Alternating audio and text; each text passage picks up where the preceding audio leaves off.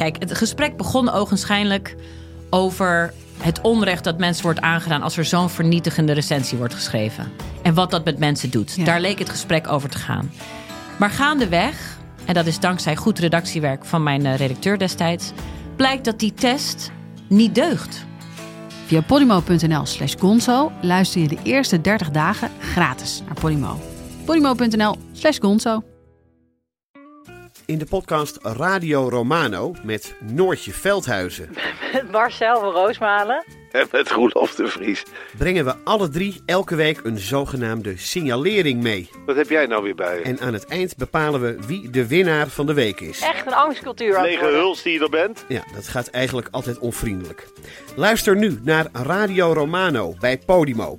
Via podimo.nl slash Radio Romano luister je 30 dagen gratis. U was 2,5 jaar eh, waarnemend burgemeester in Heerlen. Ja, En nu sinds 1 oktober opnieuw waarnemend burgemeester een eind noordelijker in Alkmaar. ja, van het ene uithoek van het land bijna naar de andere uithoek van het land. En op de eerste dag hier las ik in de krant... deelde u goodiebags uit in het kader van Alkmaars Ontzet. En nog niet iedereen kende u, maar ze wisten wel dat is een bekende.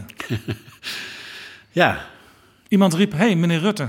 ja dat klopt ja. Er was een, eh, nou, die heb ik nog wel even gesproken. En die weet nu wat de ja, die werkelijke naam kent, is. eh, die, eh, die kent nu het verschil wel. Dit is Betrouwbare Bronnen met Jaap Jansen.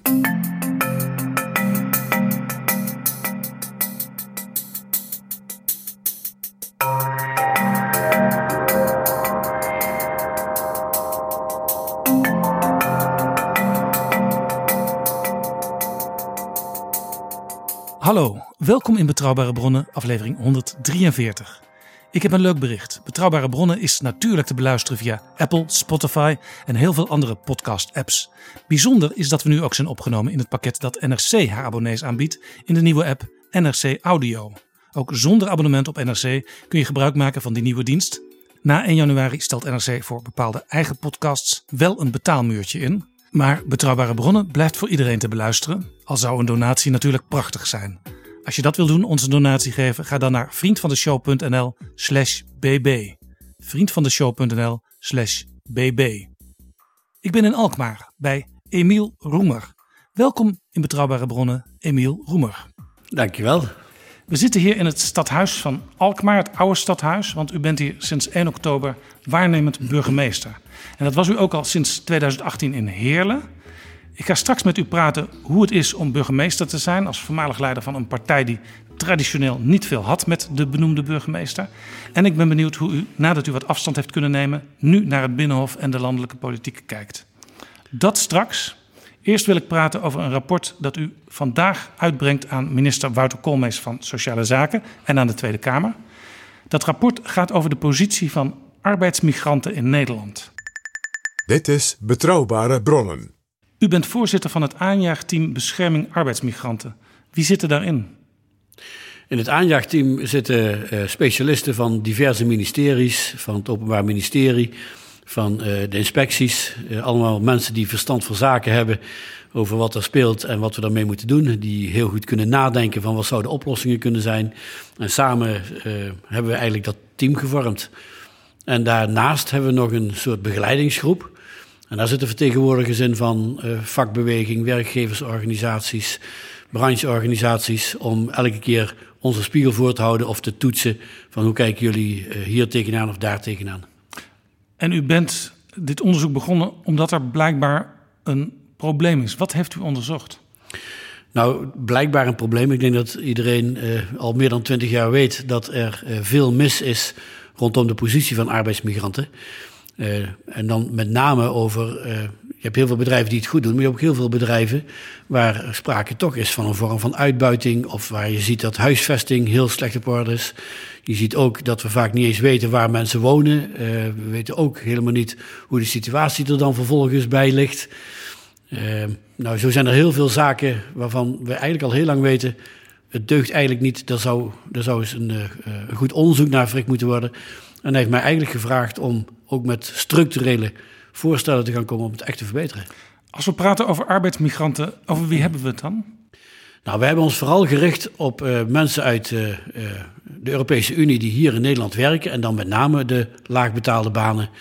want je hebt natuurlijk ook expats, om maar zo te noemen. Dat zijn vaak mensen die hier echt ingehaald zijn, ook hogere salarissen hebben en die gewoon vol meedraaien in de samenleving. Dus we hebben ons met name op die eerste groep gericht. En dat zijn dus- er toch zo'n dikke 500.000 in Nederland. Ja, dus de goed betaalde ICT'er uit India, die, die zit er niet bij? Nee. ik las ergens dat in Den Haag al één op de tien inwoners komt uit Polen, Roemenië en Bulgarije, dat soort landen.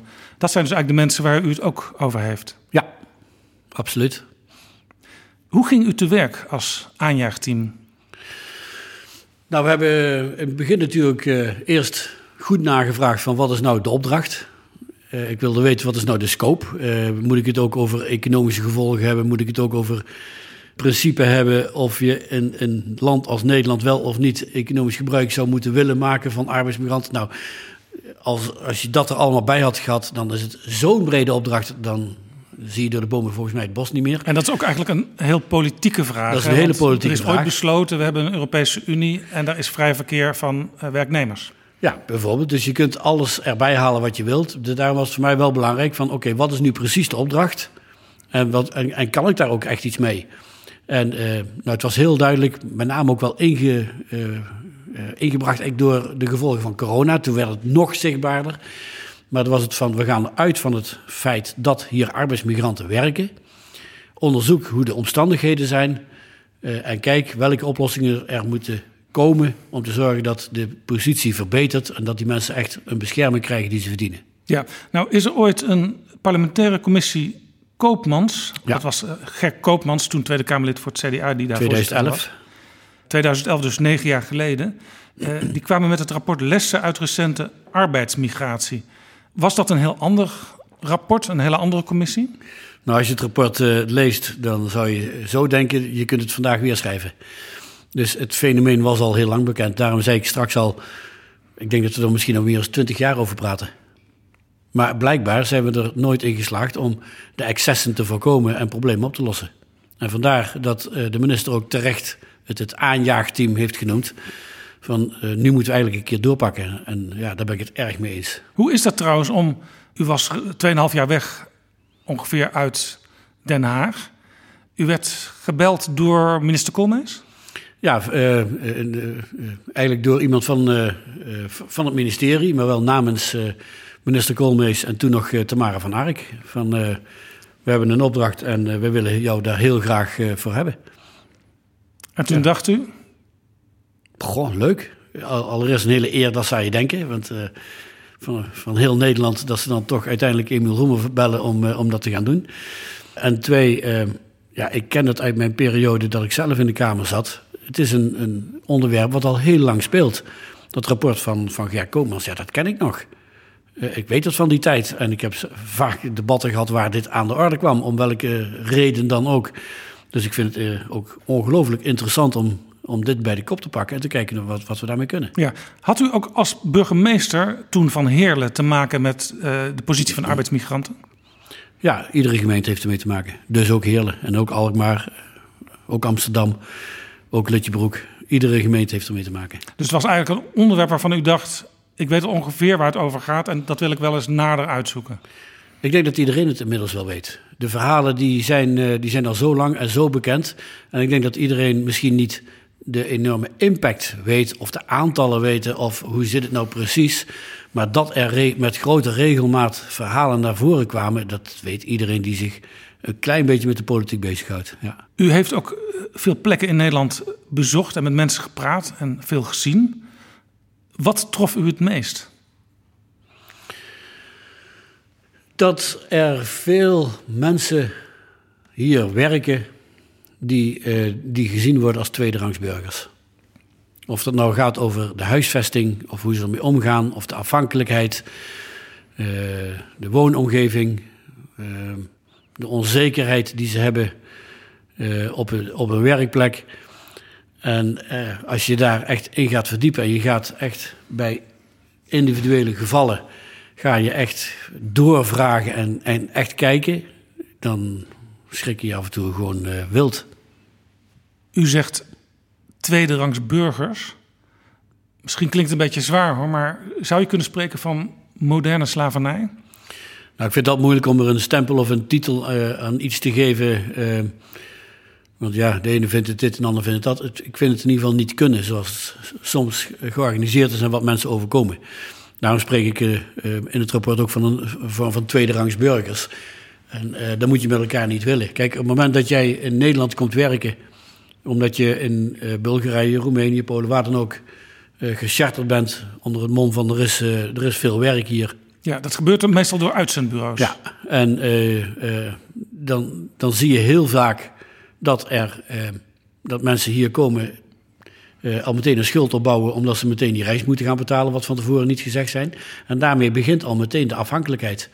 En je ziet ook heel veel plekken dat mensen vervolgens via een uitzendbureau ergens aan het werk worden gezet... En daar wordt dan ook vaak woonruimte bij geregeld. Maar op het moment dat je je werk kwijt bent, ben je meteen ook je woning kwijt. En vaak ook meteen je zorgverzekering kwijt. De mensen spreken de taal niet. Uh, die willen het risico niet lopen, want die zien om een één iemand die klaagt over het werk. Nou ja, voor jou vijf anderen, dus ga maar naar buiten. En meteen ligt je matras ook op straat en je zorgverzekering kwijt. En dan sta je hier, terwijl je de Nederlandse taal niet machtig bent, niet weet wat je rechten zijn. Uh, dus die mensen houden hun mond dicht. En dat kwam in, bij die eerste golf van corona kwam er heel veel aan het licht dat mensen zelfs als ze corona hadden, bleven werken. Want ja, als ik me ziek ga melden, ben ik misschien vanavond mijn werk kwijt. En als ik mijn werk kwijt ben, dan ben ik ook mijn zekerheid van wonen en zorg kwijt. Dus daarom dat die mensen zeggen, ja, ik hou mijn mond dicht. Ik ga niet lopen klagen. Ja, want, want corona, Mariette Hamer, uh, die was onlangs in Betrouwbare Bronnen te gast. Die zei, eigenlijk heeft corona... Zij, zij is van de Sociaal-Economische Raad, maar ook van. Ik heb ze eh, gesproken. Een denktank die uh, zich met de gevolgen van corona en de, en de toekomst bezighoudt. En zij zegt eigenlijk allerlei uh, maatschappelijke misstanden die er al waren, die zijn door corona extra schijnend geworden. Ja, en eigenlijk is het een, een voordeel bij een nadeel. Ehm, door corona is het ook op dit onderwerp bij iedereen wel doorgedrongen. Nu moeten we echt er iets aan gaan doen. Bij werkgevers, werknemers, de uitzendbranche.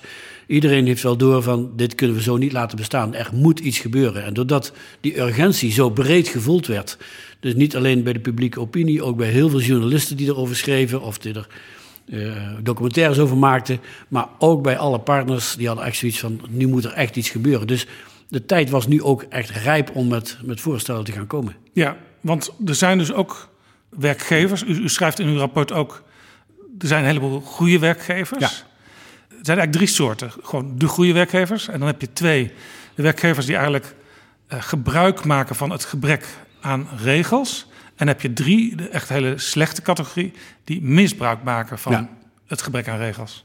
Ja, dat klopt. Ik heb uh, van alle drie de voorbeelden gezien. En uh, bij de eerste dan ben ik hartstikke blij. Dat zijn mensen die ook als eerste vooraan aan de rij stonden om uit te nodigen. Die willen graag hun bedrijf laten zien en hoe ze werken. Ja, hoe want ze... u heeft bijvoorbeeld ook mensen van VNO-NCW gesproken... die dan de hele grote bedrijven ja, vertegenwoordigen. ik ben van, de, van, van klein metaal naar de grote bol.com en alles wat er tussenin zit. Uh, we hebben alle categorie bedrijven wel, wel bezocht en, en gezien. Uh, maar je komt natuurlijk heel makkelijk binnen bij bedrijven die het goed op orde hebben. Ja. En die goed met de mensen omgaan. En die, de, en die, die hebben waarschijnlijk ook een reden om u uit te nodigen. Hè? Want die denken ik word beconcurreerd door ja. malafide uh, Die hebben er last van. Die hebben er gewoon last van en die lopen uh, echt bijna te smeken van uh, doe er iets aan, grijp in. En nou ja, dat heb ik echt wel tussen mijn oren geknoopt. En je hebt dus inderdaad die tweede categorie bedrijven die de, de grenzen opzoeken en proberen af en toe ook een beetje misschien wel eens een keer over het randje heen te gaan. Maar je hebt ook gewoon heel veel malafide bedrijven die gewoon door gebrek aan regels, door gebrek aan regulering, eh, door gebrek aan eh, voldoende handhaving, controle en handhaving, uh, gewoon alles doen wat God verboden heeft. Ja, het werkt meestal via uitzendbureaus en het is nogal makkelijk om jezelf uitzendbureau te noemen. Voordat u hier uh, de stad uit bent, kunt u zo uh, uitzendbureau zijn. Echt één druk op de knop en je bent uitzendbureau. Dus daar weet u eigenlijk al een beetje hoe, wat de, de oplossing kan zijn. Eigenlijk dat, dat kon nou, we, hebben, we hebben heel snel wel in de gaten gekregen van waar zitten nu de, de mankementen. Wat, wat missen we nu? En uh, daarom is het ook zo goed dat het aanjachtteam is samengesteld zoals het is samengesteld. Het is één integraal problematiek. Probleem. Het is, het is niet alleen één ding van sociale zaken of het is niet alleen van BZK als het om wonen gaat. Maar het heeft allemaal zo met elkaar te maken dat wij ook een, eh, eh, een lijvig rapport hebben gemaakt met heel veel voorstellen. Maar die hebben allemaal met elkaar te maken. Je zou er eigenlijk ook niet in kunnen shoppen, want het een heeft zo met het ander te maken. Maar als je nou vraagt, wat zijn nou echt heel snel de grootste problemen? Dat is gebrek aan registratie. We weten zeker bij mensen die hier kort zijn, die, die, staan, die komen zich melden bij een loket, maar die hebben een huisadres in Bulgarije of Polen of Roemenië als hun woonadres. Nou, dat is natuurlijk niet zo, want die verblijven hier een aantal maanden. Dus het aantal uh, arbeidsmigranten wat op dit moment in Nederland is, naar dat cijfer moeten we eigenlijk een slag slaan. Ja, uh, ik weet het niet helemaal zeker. Nee, kijk, maar mensen die zich hebben ingeschreven, we weten wel dat ze hier gekomen zijn, maar waar ze vervolgens uithangen en wonen, weten we niet. En of ze misschien ooit een keer teruggegaan zijn, weten we ook niet. Dus dat maakt het heel lastig en dat maakt het voor malafide bedrijven ook heel makkelijk. Dus daarom komen we ook met een aantal uh, hele gerichte adviezen om te zorgen dat die registratie vanaf dag één goed geregeld is. Dat we die mensen direct kunnen bereiken via e-mail of telefoon, maar ook dat we weten waar wonen ze. Want als we weten waar ze wonen, kan de gemeente ook controleren of het een fatsoenlijke plek is. En volgens de normering een huisvesting hebben dat ook gewoon deugdelijk is. Ik heb plekken gezien, als mijn dochter daar had gewoond, had ik ze allemaal nu bij de, bij de kraag gepakt en mee naar huis genomen. Ja, want u sprak in het begin van het gesprek over, uh, als ze ruzie krijgen met hun baas, dan zijn ze ook hun woning kwijt. Ja. Een woning klinkt nogal deftig voor wat u heeft aangetroffen. Dat, uh, dat is de spijker op zijn kop. Ik heb plekken gezien, uh, daar uh, zou ik mijn hond nog niet willen laten slapen. Dat, dat, klinkt heel bot, maar zo is het wel. Want vaak is er sprake van kamers waar meer mensen op, op matrassen bij elkaar liggen. Ja, absoluut waar. Ik ben met wethouders mee geweest door de wijk. Ik ben in Den Haag bijvoorbeeld geweest, in het Laakkwartier. Waar zie je gewoon dat, wijk, dat in zo'n wijk panden die vrijkomen opgekocht worden. Die worden verkamerd. En uh, als je dan daar met de politie een keer mee, ik ben meegegaan om te kijken van wie wonen hier nou. Dan zouden er vier mensen moeten wonen. Nou, dan bel je aan en degene die er zouden wonen, die wonen er helemaal niet. En degene die de deur opent, die kent die mensen helemaal niet eens. En dan ga je naar binnen en dan zie je 6, 7, 8, 9 of 10 matrassen liggen. En als je dan vraagt van, van wat, wat betaal je hier nou? nou? Dat is het 100 euro per week al, en dan alle 10. En dus dat is snel verdiend voor zo'n huisje. En dat, er, komt, er komt iemand gewoon elke week ophalen. En onderhoud van nul, niks, nada. Het, het, het stinkt, er, je ziet schimmel. De helft doet het niet. Ja, dat gebeurt gewoon in een wijk. En dat heeft niet alleen een enorme impact voor die mensen die daar wonen en nou ja, verblijven, om maar zo te zeggen. Maar ook voor zijn hele wijk. Er zijn heel wat mensen die graag in die wijk willen wonen en die zo'n woning graag hadden gekocht voor hun kinderen of, of jongere stel zelf. Die krijgen gewoon de kans niet. Die huisjesmelkers die, die zetten er gewoon 30, 40.000 euro bovenop en die kapen die woning en huppakee is weer eentje weg. En wij zitten nu op corona-afstand van elkaar, maar in zo'n huis kun je niet eens op corona-afstand van elkaar Wordt liggen. Gekeken. Dus ook, dan is ook de controle zo moeilijk. Dus vandaar dat registratie ongelooflijk belangrijk is, want dan kun je ook, dan weet je waar mensen verblijven, dan kunnen gemeentes ook hun werk doen, dan kun je dus ook controleren, dan kun je ook handhaven. En je wilt ook gemeentes in dat kader ook wat meer handvatten geven om in te kunnen grijpen. We adviseren bijvoorbeeld een verhuurdersvergunning, zoals er nu een pilot loopt in Groningen. Eh, zodat een, een stadsbestuur ook kan ingrijpen om zo'n vloedering in zo'n wijk te voorkomen en deze misstanden aan te pakken. Nou, dan heb je het over de registratie gehad. Je noemde zelf al een ander heel groot item, is de wildgroei aan uitzendbureaus. Uh, we kennen nog uh, tot, geloof ik, 1998 een vergunningsplicht in Nederland. Nou, toen waren er zo'n 4000 geregistreerde uitzendbureaus. Toen is die vergunningplicht afgeschaft en we praten nu over dik 14.000 ja, uitzendbureaus. Dat was in de tijd van de Paarse kabinetten toen ook deregulering belangrijk werd Ja. gevonden. Ja. Uh, nu hebben veel mensen die uh, toen bij het beleid betrokken waren, ook van de Paarse partijen zelf, die hebben soms spijt hè, voor, vanwege de resultaten die daaruit voortgekomen zijn. Ik kan daar heel veel over vertellen, maar dat doe ik niet. Nee, dat deed u eigenlijk in uw vorige baan als fractievoorzitter ook. Uh, maar hier is, zal waarschijnlijk uh, de Paarse minister Wouter Koolmees, althans van de Paarse partij, die zal het met u eens zijn. Hij, hij, moet natuurlijk, het kabinet moet nog uh, uh, gaan reageren natuurlijk, want we bieden vandaag het rapport aan, uh, aan de minister aan. Dus ik ben heel erg benieuwd. Maar natuurlijk hebben we ook een aantal voorgesprekken gehad. En hij komt niet voor niks met een aanjachtteam om de problemen op te lossen. Dus er is een behoorlijke vorm van enthousiasme op de manier waarop wij met het rapport zijn omgegaan, met, met het onderzoek zijn omgegaan. En hij weet natuurlijk ook in welke richting wij de oplossingen zoeken. Ja. U vertelde net dat u uh, in het Laakkwartier zo naar huis uh, binnenging. Waar dan uh, ja, tiental mensen voor 100 euro per week een matras huurt. Maar ik kan me voorstellen dat het helemaal niet zo makkelijk is om zomaar ergens op tussen aanhalingstekens werkbezoek te gaan. Nee. Want ja, dat willen ze natuurlijk niet zomaar aan iedereen tonen. Nee, kijk, ik ben hier ook met de politie meegegaan. Die, die gewoon om redenen af en toe panden binnen kan gaan. Uh, als ze daar gegronde redenen voor hebben. En daar ben ik mee meegelopen. Ik zou dat zelf nooit gekund hebben. Het, was ook, het is ook niet altijd even gemakkelijk om veel arbeidsmigranten te spreken. Dan moet je echt heel goed uitleggen wie je bent, waarom je een gesprek ja. wil. En die mensen die denken natuurlijk ook van ja, misschien moet ik wel het land uit als deze meneer nou, doorgeeft ieder, wat, wat, nou, hij, wat hij ziet niet zozeer het land uit, maar wel dat ze al hun zekerheden kwijt zijn. Want uh, als je, ja, de, heel veel voorbeelden uh, zien zij gewoon om hen heen als er iemand klaagt. Dat ze meteen op straat worden gezet. En dat ze ook meteen de, de woning kwijt zijn, zorgverzekering kwijt zijn. Ja, dan ben je aan de, aan de goden overgeleverd. En dat zien zij, dus ze houden mond dicht. Dus ja. de angst is daar uh, bij een heleboel bedrijven is, is mega groot. Maar uiteraard zijn we erin geslaagd om toch heel veel mensen te spreken.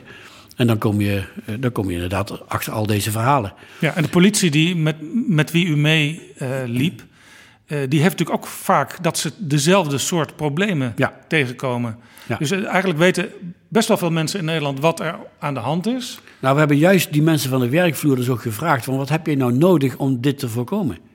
Dus en aan zo'n wethouder die zijn wijk ziet verloederen. Maar ook zo'n agent die zegt van ik wil heel graag ingrijpen. Of een, nou, noem maar iedereen op die er dagelijks mee te maken heeft. En dat begint dus inderdaad naast registreren, dus ook met het reguleren. Heel belangrijke deel van onze advisering is dus ook om uh, die uitzendbranche te reguleren. En uh, we hebben daarvoor uh, gekozen om een verplichte certificering op te leggen met hoge kwaliteitseisen met een hoge drempel om überhaupt zo'n certificering te krijgen. Zodat dat je weet dat uitzendbureaus die op de markt zitten, dat dat mensen en bedrijven zijn die gewoon voldoen aan standaarden die wij met elkaar willen. En wordt het dan weer precies dezelfde regelgeving die ooit in 1998 is afgeschaft? Nee, want uh, je moet nooit hetzelfde doen wat toen was afgeschaft, want er was een reden om het af te schaffen. Wij hebben naar de huidige tijd gekeken. En naar een manier gekeken die, eh, die eh, ook gewoon heel goed uit te werken is. Ook voldoet aan alle hedendaagse regels, zowel Nederlandse als Europese. En waar de bekende uitzendbureaus waarschijnlijk ook geen moeite mee hebben, omdat. Eh, die smeken erom. Om een eind maken aan die, aan die verkeerde concurrentie. Tuurlijk, want die zien ook dat bedrijven, zij willen graag gewoon zaken doen op een verantwoorde manier. Uh, fatsoenlijk omgaan met hun medewerkers. maar die zien een race to the bottom als, als dat maar allemaal door blijft gaan. Dat dat malafide bedrijven gewoon ver onder de prijs zaken gaan doen met, met, met, met, met, met arbeidsmigranten en met inleners. Dus vandaar dat we dat zo goed mogelijk waterdicht willen vastleggen. En als een bedrijf gewoon niet aan de normen doet krijgt hij al sowieso geen certificaat. En als je geen certificaat hebt, dan kun je ook niet op de markt uh, deelnemen. Want inleners die met niet gecertificeerde bedrijven in zee gaan, die krijgen daar een forse boete voor per werknemer. Vergelijkbaar met illegale arbeid. Dus dan laat je het wel. Ja. En uh, aan de andere kant, als bedrijven een certificering hebben gehad, maar daarna maken ze er toch een zootje van. Dan uh, wordt er een aanwijzing afgegeven dat ze uitgeschreven worden bij de Kamer van Koophandel. En kunnen ze dus ook niet meer als uitzendbureau verder. En uh, de persoon in kwestie die kan ook nog eens een bestuursverbod krijgen, zodat hij niet nog eens een keer via een omweg een nieuw uitzendbureau kan starten en dan alsnog. Hoe werkt dat met, ik zeg maar iets, een uh, Roemeens uitzendbureau? Ja, we hebben die normering ook voor uh, uitzendbureaus in het buitenland, die in Nederland mensen willen detacheren of aan het werk willen helpen. Die zullen voor die mensen hier aan de normen moeten voldoen. En anders mag zo'n bedrijf daar geen zaken mee doen. Ja, dus als ik als bedrijf uh, Roemenen wil inhuren via zo'n Roemeens uitzendbureau... dan moet dat Roemeense bureau moet die certificering laten zien. Ja. Ja, en anders uh, ben je strafbaar als inlener. Kijk, en dat maakt die uh, inleners ook mede verantwoordelijk voor, voor dit soort zaken. we noemen dat heel vaak ketenverantwoordelijkheid, maar er werd ook heel veel om gevraagd. Ook door uitzendbureaus van... Uh, wij krijgen vaak wel de zwarte piet, maar we worden soms ook wel eens gedwongen door inleners die gewoon ver onder de prijs iets willen gaan doen. Dus maak hen ook mede verantwoordelijk. Je ziet het ook bijvoorbeeld bij, bij bedrijfsongevallen. Um, normaal werkende bedrijven het kan altijd een keer heel vervelend voor ze gebeuren, maar die weten wat ze moeten doen. Die melden dat netjes, die gaan ook kijken wat er aan de hand is. Maar we zien zeker ook rondom arbeidsmigranten dat er uh, uh, bedrijfsongevallen gebeuren. Niet gemeld worden. Die mensen worden meteen acuut ontslagen en die vertrekken weer naar Polen of Bulgarije. En dan hopen ze maar dat er geen haan naar kraait. Het komt ook voor dat mensen, arbeidsmigranten, denken: ik heb betaald premie voor de ziektekostenverzekering. Maar dat, dat dat uiteindelijk helemaal niet gebeurd blijkt te zijn. Ja, precies. En uh, zeker ook als ze een eh, baan kwijt zijn, zijn ze dan ook in één keer een zorgverzekering kwijt. Nou, die vorm van bescherming, die willen we hen gewoon bieden. Dus eh, de adviezen daarop, die zijn ook hartstikke helder. Als mensen, uh, bedoelt, het werk als, kan natuurlijk altijd stoppen. Hè? Als je ineens zegt, nou, er is nu geen werk meer, dus het contract stopt. Dat je dan niet meteen je zorgverzekering kwijt bent, maar dat dat nog minimaal 30 dagen doorloopt. Dan heb je in die 30 dagen nog of de kans om, als je wil, weer terug te gaan naar huis of om nieuw werk te gaan zoeken of op een andere manier het te regelen. Maar het moet ook gewoon helder zijn dat, zo'n, dat de arbeidsmigrant ook zelf inzicht moeten krijgen in hun zorgverzekering, hoe het zit. Dus ook toegang moeten hebben tot DigiD, dat soort zaken. Hele praktische dingen dat nu niet geregeld is, dat moet je nu gaan regelen. Heeft u een idee, als we nog even kijken naar de huisvesting van arbeidsmigranten, uh, hoeveel procent van de mensen uh, woont in een aanvaardbaar Geen idee. Dan zou ik echt heel Nederland langs moeten gaan en alles op moeten vragen. Dat hebben we niet gedaan. Uh, wij hebben gezien dat het kan, want we hebben prachtige eh, plekken bezocht waar bedrijven uh, in een soort cluster woonruimte aanbiedt aan arbeidsmigranten. En als je daar gaat kijken, dan zie je dat dat keurige panden zijn of keurige locaties zijn op bedrijventerreinen. Uh, waar goed beheer op zit, waar normale huurprijzen betaald worden, waar mensen uh, uh, ook eigen slaapkamer hebben, 15 tot 20 vierkante meter woonruimte hebben, gezamenlijke voorzieningen hebben, sportvoorzieningen hebben, gewoon goed geregeld. Ja. wordt dus, dus het kan. Er wordt wel gesproken over Polenhotels en dat, dat, is, dat is een voorbeeld. Ja, maar het ligt er maar net aan wie het zegt. Ehm, de goede bedrijven die hebben gewoon een goede huisvesting. Uh, dan zeg ik meteen, dan word ik ook enthousiast. Maar ik heb ook polenhotels gezien waar het gewoon een bouwval is en waar ze gewoon met z'n allen ingepropt zijn. En dan noemen ze ook een polenhotel. En dan zie je vaak ook heel veel overlast in woonwijken en dan heeft het een hele negatieve lading. Dus vandaar ook dat wij uh, in onze advisering ook zeggen van zorg ervoor dat de normering of de, de, de normering van de huisvesting, dat je die gewoon ook goed vastlegt. Wat zijn de minimumeisen waar het aan moet voldoen. En zorg dat gemeenten en uh, andere inspecties ook voldoende capaciteit en middelen hebben om dat ook uh, uh, te handhaven, te controleren en te handhaven.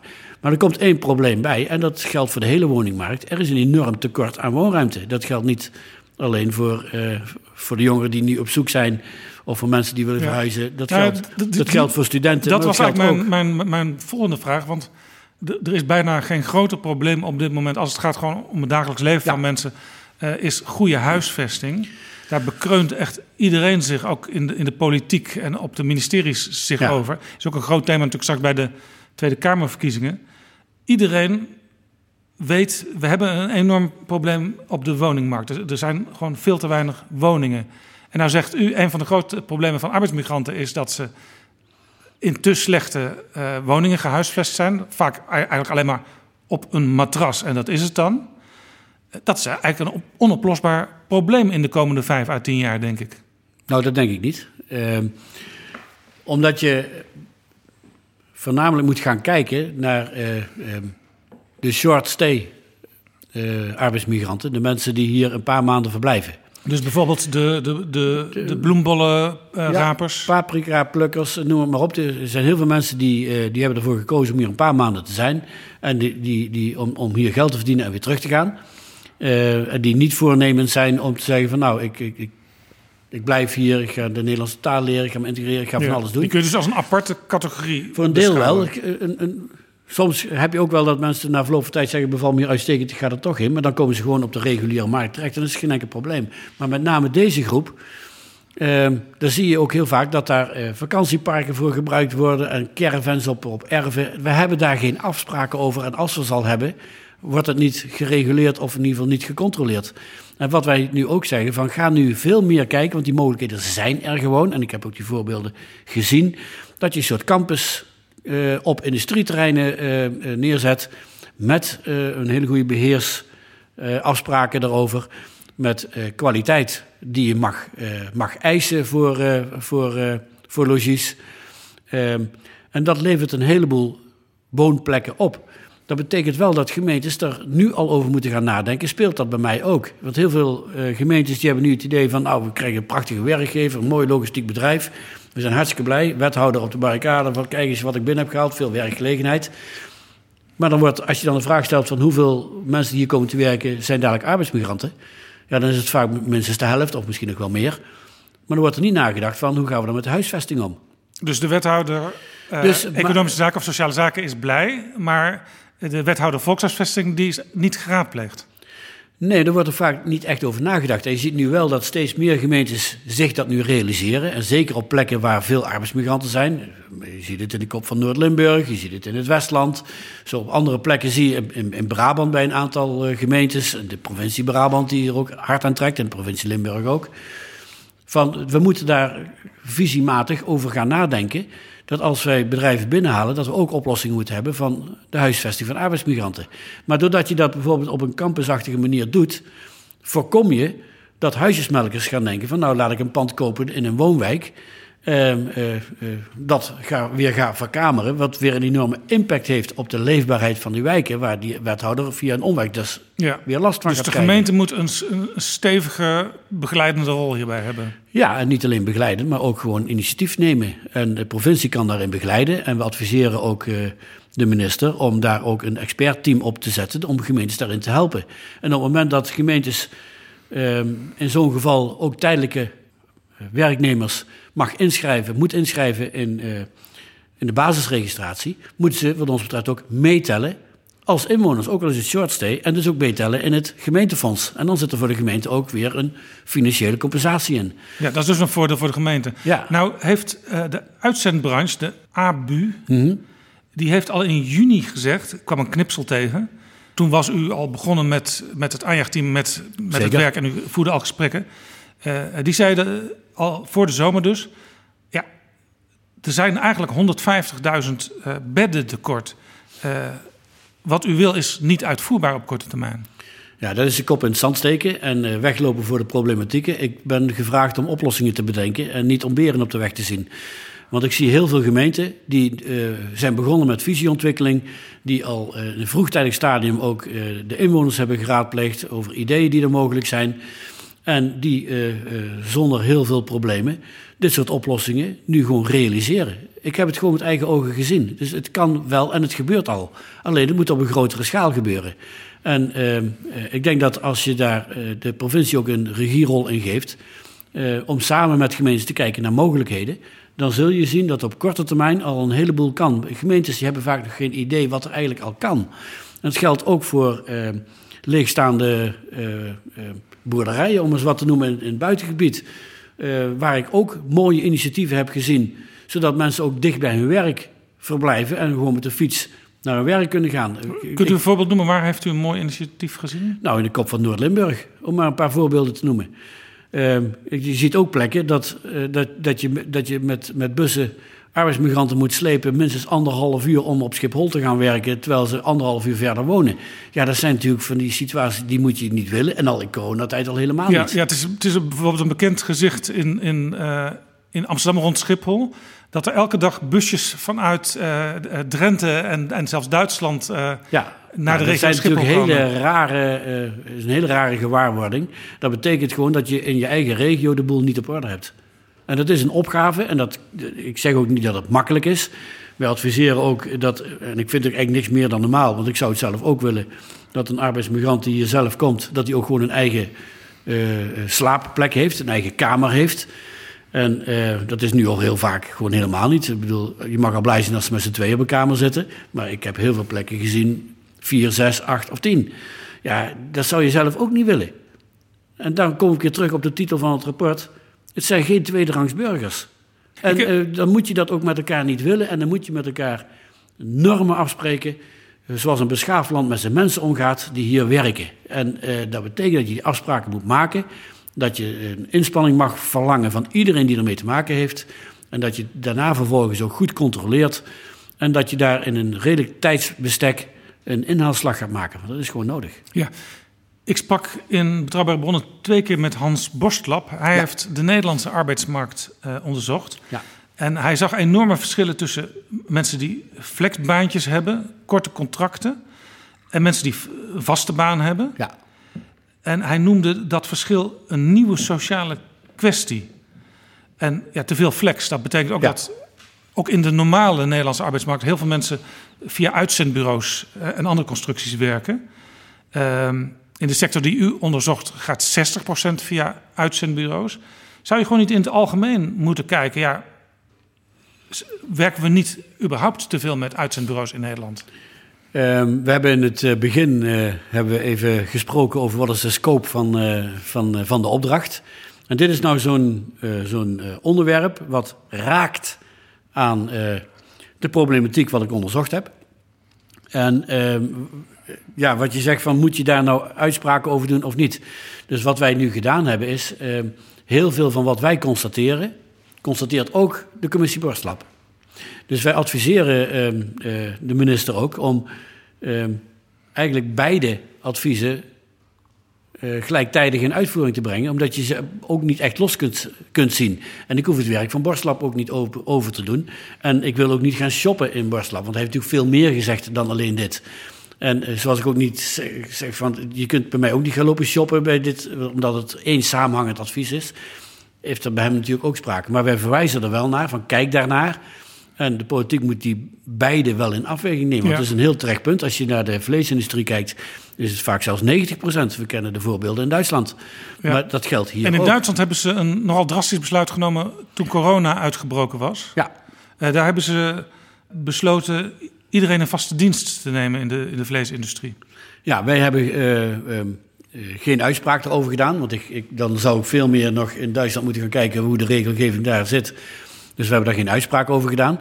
Maar we hebben wel gezegd van eh, kijk wat Borstlab adviseert en doe daar je voordeel mee. Wat u zegt, meneer Roemer, is allemaal heel helder. U zei ook in de loop van dit gesprek...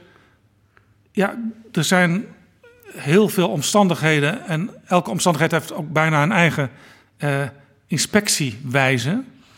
Ehm, betekent dat eigenlijk niet gewoon dat er te veel diensten zijn... die langs elkaar heen werken? En dat dat een probleem is wat ook moet worden opgelost? Ja, dat is zo. Eh, dat hebben we ook al genoemd in ons eerste rapport. Dat, eh, dat hebben we gezegd op, op basis van... je moet nu wat gaan doen in, in het kader van corona. Ja, want u kwam eigenlijk na een paar weken... al met een eerste een advies. eerste en dat was eigenlijk brief. gewoon omdat... wat moet er nu in coronatijd gebeuren? En eh, een van de eh, dingen die we toen al hebben aangegeven... of, of twee grote dingen was... zorg dat de informatie nou eens op orde komt. Dus maak een landelijk informatiepunt... ook in eigen talen, dat mensen niet de wereld, hele wereld hoeven af te zoeken om aan informatie te komen. En het tweede was, ga kijken naar alle mogelijke vormen van handhaving en inspecties. Hoe die veel beter informatie kunnen uitwisselen, veel beter samen kunnen werken. Niet alleen in Nederland, maar ook zelfs in de grensstreek met, met de buurlanden. Ook een expertiseteam eh, in de grensstreek om te gaan kijken van wat gebeurt er allemaal, zodat de gemeentes daar terecht kunnen van wat moeten we gaan doen. Want als het over arbeidszaken gaat, dan is het de inspectie van eh, SZW. Als het over wonen gaat, zijn het de gemeentes. Nou, LNV heeft zijn eigen inspectie. Eh, de Belastingdienst die heeft zo zijn inspecties. En wat we echt geadviseerd hebben, is om die samenwerking. Eh, en we zien dat nu ook al echt gebeuren. Dat was op basis van het eerste advies. Dat die gewoon veel intensiever moet zijn. Maar daarnaast, en dat hoor ik ook van, van alle partners in, eh, die we gesproken hebben. Het valt of staat dadelijk natuurlijk ook met eh, controle en handhaving. Dus we adviseren ook als je zo'n certificeringsplicht gaat afdwingen, dan moet er wel capaciteit zijn om het af te dwingen. Het moet wel pakkans moet er zijn, dat als je denkt van ik ga er toch even mee lopen, dat je weet van nou dat duurt niet lang of ik word gepakt. Dus we adviseren ook om die inspecties ook gewoon qua ca- capaciteit ook echt fors uit te breiden. Ja, dat, dat kan niet anders, want anders wordt het probleem gewoon niet opgelost. Anders wordt het niet opgelost. Nee, en eh, zoals eh al zei, van, we hebben heel veel spelers op de markt die allemaal hun eigen dingen moeten doen. Hè. De gemeentes moeten meer gaan, gaan bouwen met, met steun van, eh, van het ministerie. Maar zo, zijn er, maar zo heb je ook de sociale partners die gewoon afspraken moeten maken die thuis horen in een CAO. Te denken valt aan bijvoorbeeld een minimum eh, uur inhuurtarief. Uh, wij adviseren bijvoorbeeld ook dat als mensen hier in Nederland komen, dan worden ze vaak geronseld van nou, hier is werk genoeg, kom maar. En dan zijn ze hier en dan krijgen ze een nul uren contract. En met een beetje pech staan ze drie dagen later op straat. Ja, een nul uren contract betekent dat je, je kan op een gegeven moment opgeroepen worden, maar je weet nooit wanneer dat gebeurt. Nee, dus om dat nou te voorkomen, dat mensen om, met valse voorwenselen hierin gehaald worden, eh, adviseren wij, maar dat zou je dan ook met sociale partners en CAO moeten doen, dat mensen die hier komen in ieder geval twee maanden recht hebben op minimumloon op basis van gewoon een volle werkweek. Dan ga je wel even nadenken als je mensen gaat halen of er daadwerkelijk werk voor hebben. Ja. Dan leg je die verantwoordelijkheid ook bij het uitzendbureau en bij de inlener neer. En niet de gevolgen bij, uh, bij een, uh, een arbeidsmigrant die misschien na twee, drie dagen ineens geen werk meer heeft, nog wel een schuld bij het uitzendbureau en, er, en dan op straat staat en zich bij het leger des Hels kan gaan melden. Ja. U noemde de grensoverschrijdende problemen. Eigenlijk is het niet alleen grensoverschrijdend, maar een Europa-breed uh, punt. Want ja, het komt voort uit de Europese regels, het vrij verkeer van werknemers. Uh, dus kan u aanbevelen ook een exemplaar van het rapport te sturen aan Joost Korte.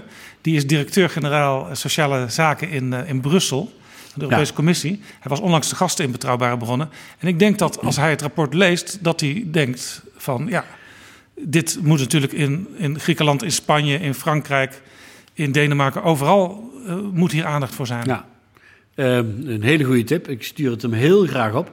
Dat is één. Maar twee, uh, ik weet ook hoe dat werkt. Daarom hebben wij in de, in de oplossingensfeer nu gekeken van wat kan er nu gebeuren, wat moet er nu gebeuren. Kijk, en als ik Europese regels uh, moet gaan aanpassen, nou, dat hoef ik jou niet uit te leggen, dat, dat gaat misschien wel tien jaar duren als je dat voor elkaar krijgt. Dus we hebben gekeken naar de mogelijkheden die er zijn. Er zijn wel een aantal Nederlandse wetten die aangepast moeten worden, maar daar gaan we zelf over. En daar gaat de politiek in Nederland zelf over. En die passen allemaal in de Europese afspraken. Daar hebben we wel heel nadrukkelijk naar gekeken. Maar eh, mijn advies aan eh, de minister vandaag is ook: eh, heel veel, een heleboel van dit soort dingen hoef je niet te wachten op een nieuw kabinet. Begin er vandaag mee. De nood is echt hoog bij heel veel mensen. Ja, en hoe weet u zeker dat dit rapport niet dezelfde weg gaat als dat rapport uit 2011 van de commissie Koopmans? Het, het was toen ook al goed opgeschreven. Alleen, u zei aan het begin van dit gesprek, eigenlijk is alles wat erin staat is nog steeds van toepassing en dat is ja. niet goed. Nou, ik denk dat wij concreter zijn in de, in, de, in de aanbevelingen. Gewoon heel concreet, wat moet er vandaag of morgen gebeuren? Welke wetten moeten aangepast worden? Wie moet dat doen? Uh, waar moet extra in geïnvesteerd worden? Waar moet de certificering afgesproken worden? Wie moet dat controleren? We hebben dat tot bijna redelijk tot in detail hebben we dat in het rapport verwerkt. Het tweede is, wij doen ook aanbevelingen om de uitwerking van dit rapport om dat te controleren en dat bij te houden. Om de Tweede Kamer met grote regelmaat te informeren. Hoe staat het met, alle, met uitvoering van alle voorstellen. Maar ook op, eh, binnen, de minister, binnen de ministeries eh, af te spreken. Om een soort volgteam te hebben, op het liefst op een zo hoog mogelijk niveau. Die dat ook gewoon monitort of het gaat gebeuren. En de politiek moet wakker blijven. Het moet ze niet nog een keer gebeuren dat een heel goed rapport tien jaar in de kast blijft liggen. En anders trekt u wel aan de bel. Met liefde en plezier. Dit voor wat betreft dit belangrijke rapport. Ik wens u daar heel veel succes mee. Dank u wel. U bent inmiddels ook door een andere minister gevraagd om een probleem te gaan onderzoeken. Cora van Nieuwenhuizen. Ja. Die heeft u gevraagd om de problemen in de rijschoolwereld te onderzoeken. Wat, wat is daar aan de hand? Ja, daar ga ik dus uh, vanaf morgen aan beginnen. Maar uh, globaal uh, zien we ook daar dat, dat het een, een, een wereld is waar heel veel goede bedrijven proberen om uh, mensen, jongeren of iedereen die een rijbewijs wil halen, om een rijbewijs te geven, de les te verzorgen. zorgen dat ze de theorie onder de knie krijgen en klaar te stomen voor het examen. Maar hier zien we ook heel veel cowboys die van alles beloven, het niet waarmaken, failliet gaan. jongeren die vooraf betaald hebben en schulden laten zitten. En waar het een enorm negatieve consequenties heeft voor de verkeersveiligheid. En uh, de minister heeft gevraagd: kijk nou eens precies wat de problemen zijn. En kunnen we op een of andere manier uh, de cowboys van de markt af, afhouden. En zorgen dat het uh, veilig en op een degelijke manier gaat gebeuren. En als u dat onderzoek gaat doen, dan komt u ook uw oude collega Alexander Pechtold weer tegen. Want die is tegenwoordig de baas van het Centraal Bureau Rijvaardigheidsbewijzen. Ja. Ja, dat, uh, dat klopt. Uh, hier en daar kom je wel eens oud-collega's tegen.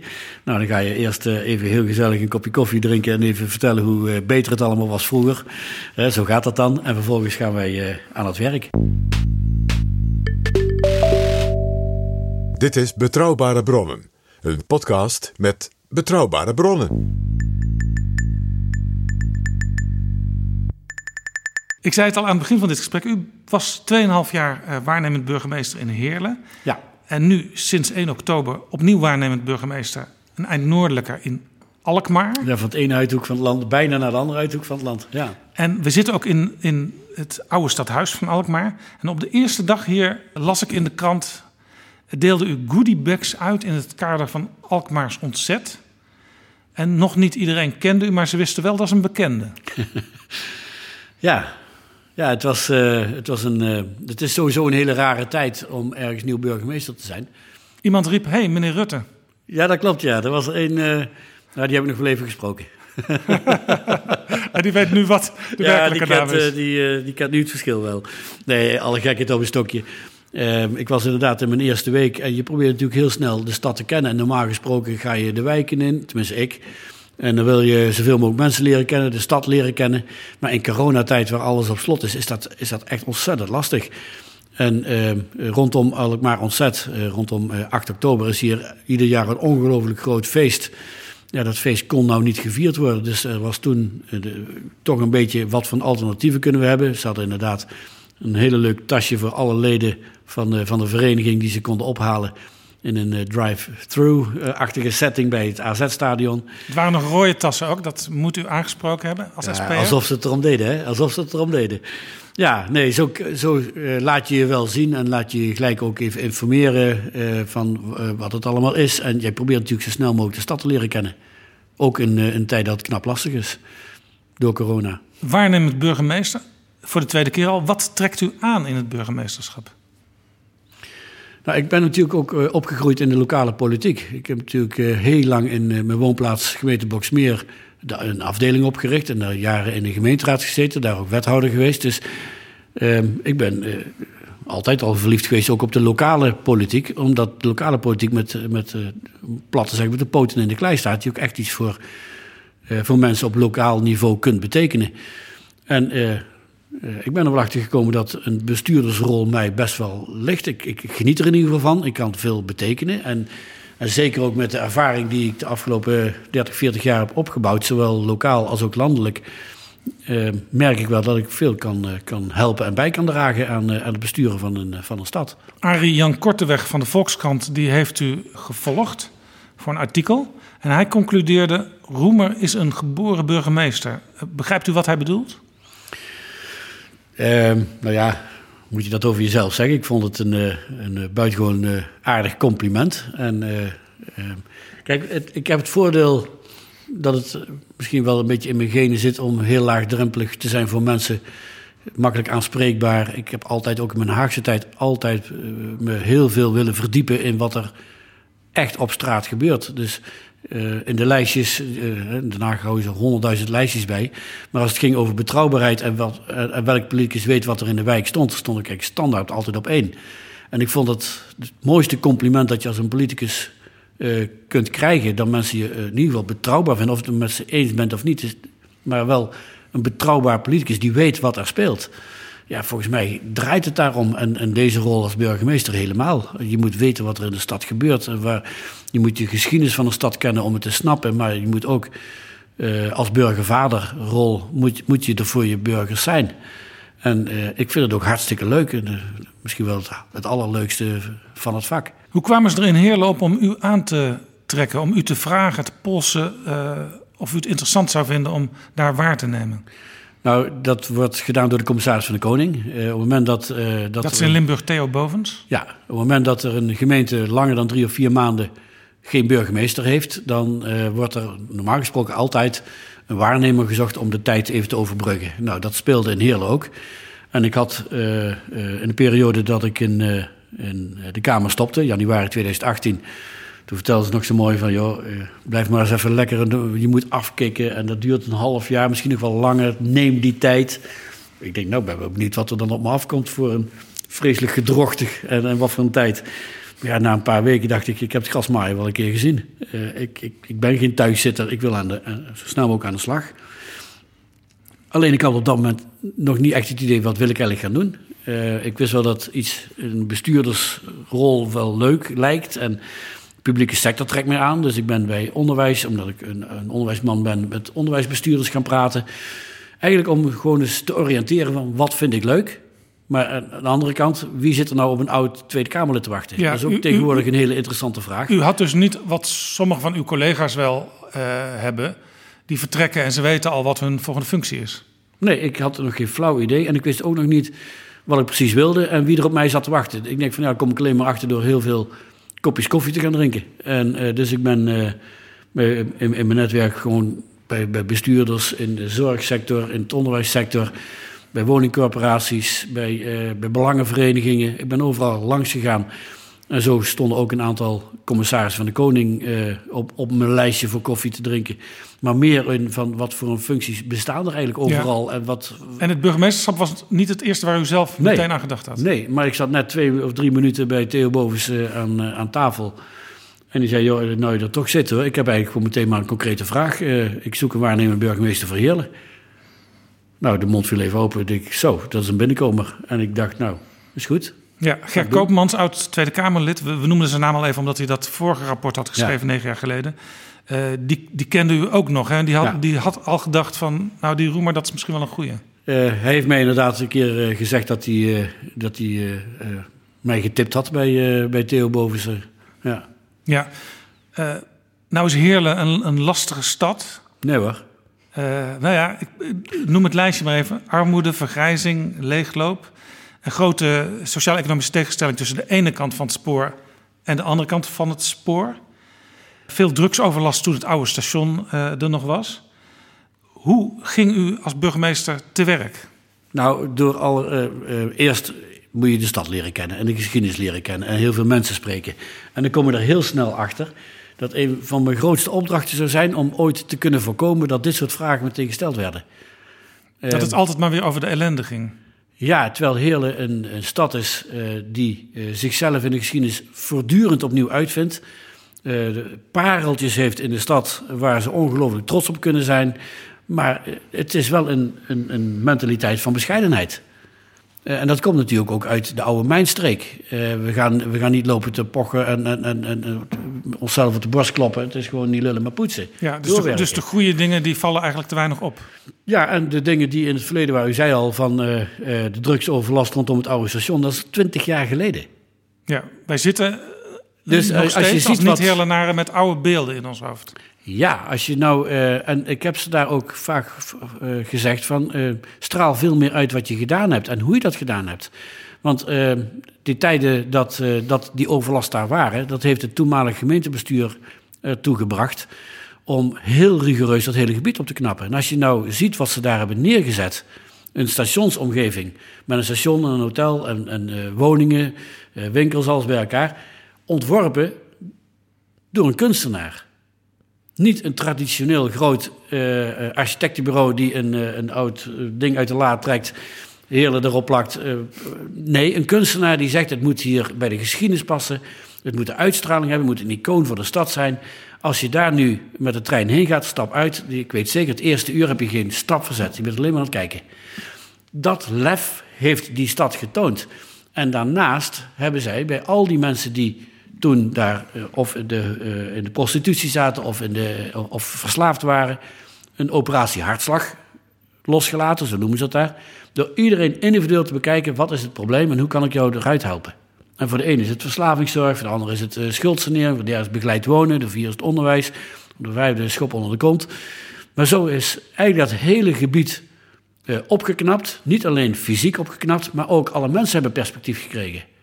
En het is, het is een parel hoe ze dat tot de dag van vandaag in geslaagd zijn. En ja, de opdrachten en de uitdagingen zijn groot. De gevolgen van de mijnstreek, uh, van de mijnsluitingen, die voel je nog steeds. Het aantal uh, mensen in armoede is qua percentage nog steeds hoger dan de rest van het land. Maar de laatste jaren zie je ook uh, waar in de rest van het land het aantal mensen in armoede stijgt, dat het een hele daalt. Maar alleen die bak is nog steeds ongelooflijk groot. Maar zo zie je maar dat ze daar op heel veel terreinen uh, heel erg goed bezig zijn. Op het gebied van cultuur is het gewoon een, bijna een culturele hoofdstad van het land. Iedereen kent Oerol, maar, maar, niemand kent Cultura Nova. Cultura Nova een uh, uh, vergelijkbaar buiten openluchtfestival is met meer dan 260 voorstellingen, meer toeschouwers dan dat, maar niet de aandacht krijgt die het verdient. En ik vond dat dus een grote opdracht voor mij om dat, dat, dat, die trots van de stad meer uit te stralen en de parels van de stad meer te laten zien zonder te ontkennen wat er nog gedaan moet worden. Ja, er is een band tussen... En dat probeer ik hier nu in Alkmaar ook te doen. Ja, eh, Heerlen heeft een band met de stad Amsterdam. Ja. Uh, toen u begon, toen sprak u ook nog wel eens met Eberhard van der Laan... die er toen nog was, de burgemeester toen. Hij was ook de initiatiefnemer van die band. Um, hij was minister en merkte toen als minister... dat uh, in de krimpregio's eigenlijk te weinig aandacht was vanuit Den Haag.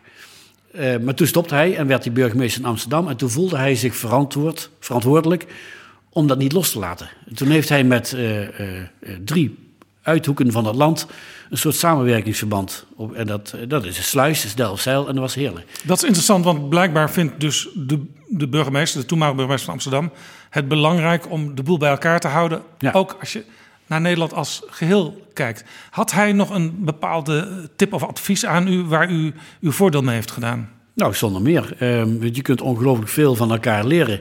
Um, als het gaat over, over stadsmarketing, als het gaat over um, uh, hoe kun je je als stad profileren, maar ook hoe ga je om met grote maatschappelijke thema's. Uh, hoe uh, zorg je dat de lijntjes richting politiek Den Haag kleiner worden? Dat is, ook, dat, is, dat is ook waar, waar, u om geroemd werd bij uw afscheid in, uh, in Heerlen. Uw verbindend vermogen en uw lobbykracht in Den Haag. Ja, het is, uh, uh, het is voor, voor iedere stad vaak wel belangrijk om bij een belangrijk thema te zorgen dat het overal bekend is. Ja, het was ook trouwens ook zichtbaar voor mensen in Heerlen. Hè? Want allerlei ministers, ook de minister-president, die zijn op ja. bezoek geweest. koningin, koningin Maxima ja. is op bezoek geweest. Roger van Bokstof van de Nederlandse Spoorwegen. Allemaal mensen die u nog op een, een of andere manier uit uw Haagse tijd kenden. Ja. ja, dat is het voordeel. Maar niet zonder reden. Je gaat ze niet zomaar vragen om niks. Kijk, zo'n Cultura Nova, als je vindt dat dat veel meer nationale status moet krijgen... en ik vind dat echt, want dat verdienen ze echt... Eh, hoe krijg je dat? Door te zorgen dat bijvoorbeeld de opening verricht wordt door minister van Engelshoven.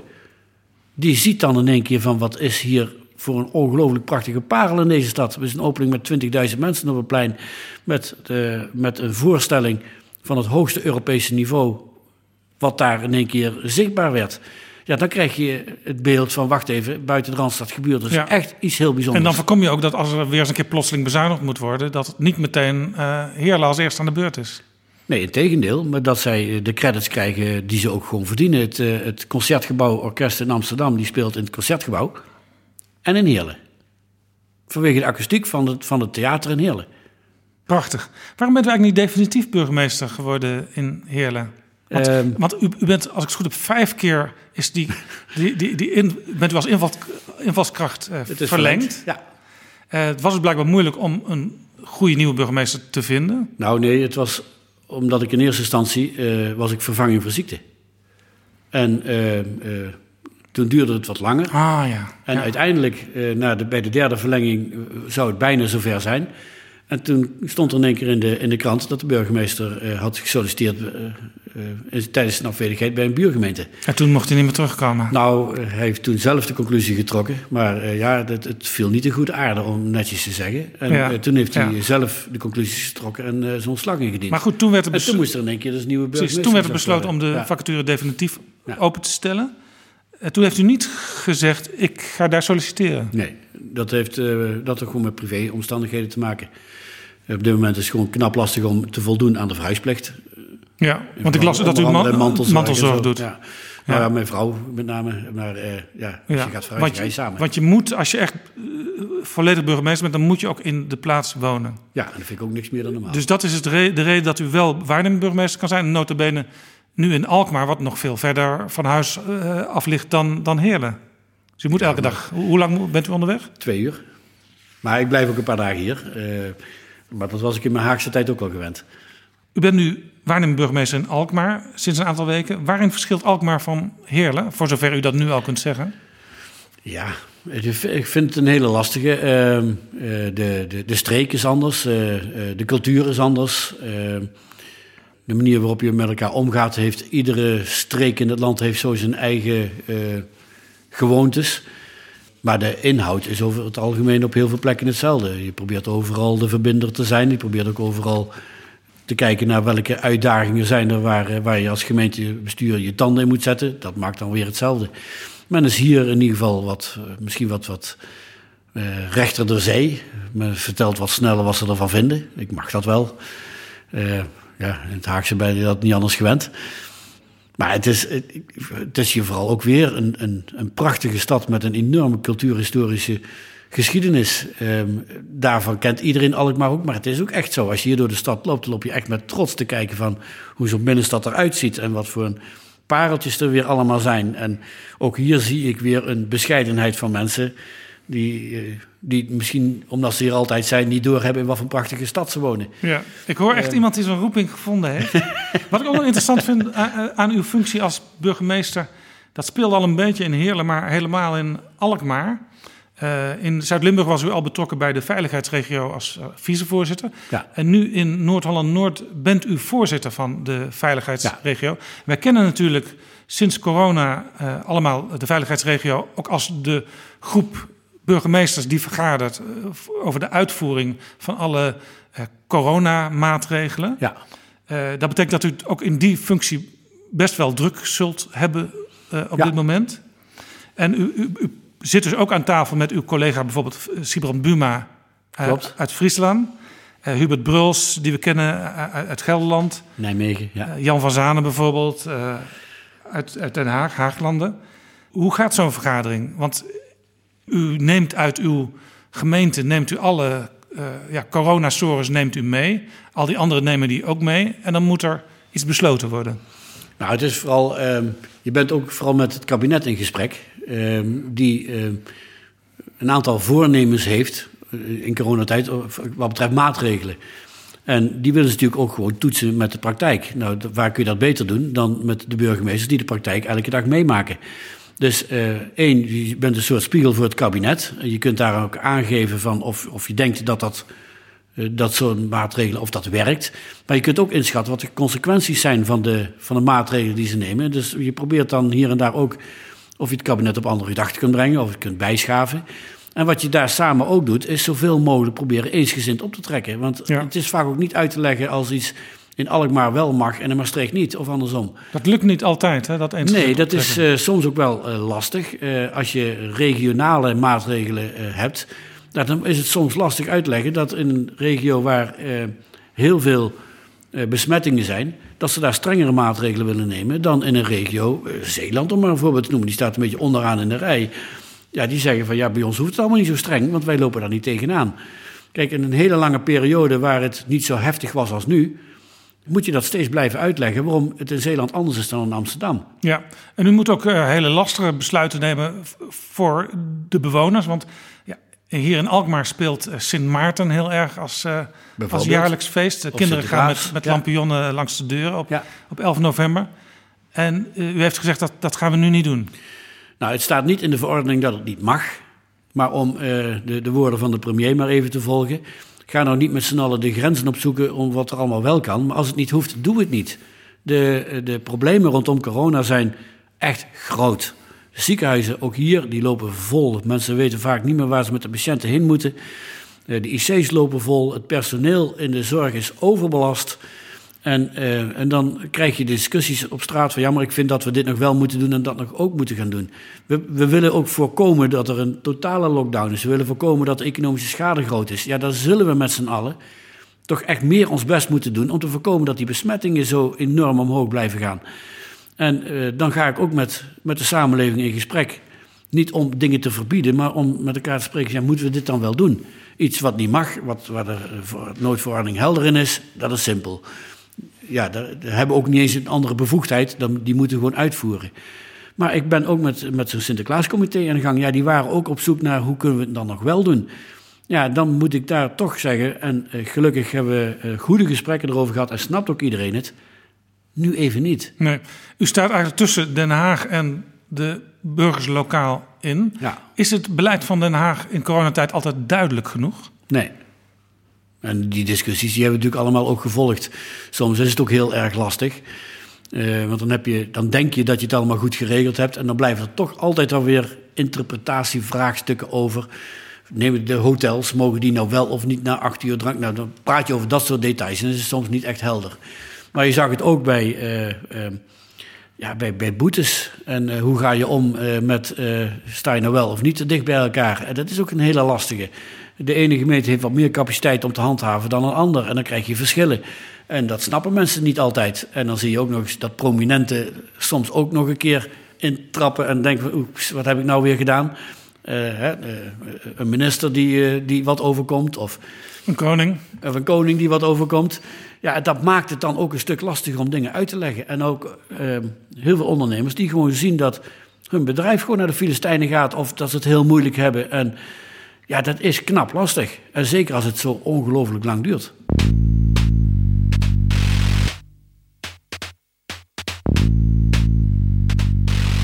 Dit is Jaap Jansen met Betrouwbare Bronnen. U bent de eerste burgemeester afkomstig uit de SP.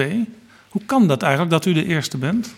Iemand moet de eerste zijn, hè? Nou ja, maar die partij die is al sinds 1994 vertegenwoordigd in de Tweede Kamer. Ja. En de meeste partijen in de Tweede Kamer, die hebben ook meerdere burgemeesters. Ja, nou, we hebben natuurlijk heel lang uh, gezegd, uh, in de periode dat er veel meer uh, via de achterkamers werd geregeld, van daar moeten we niet aan meedoen. Dus dat was voor ons sowieso wel reden om te doen.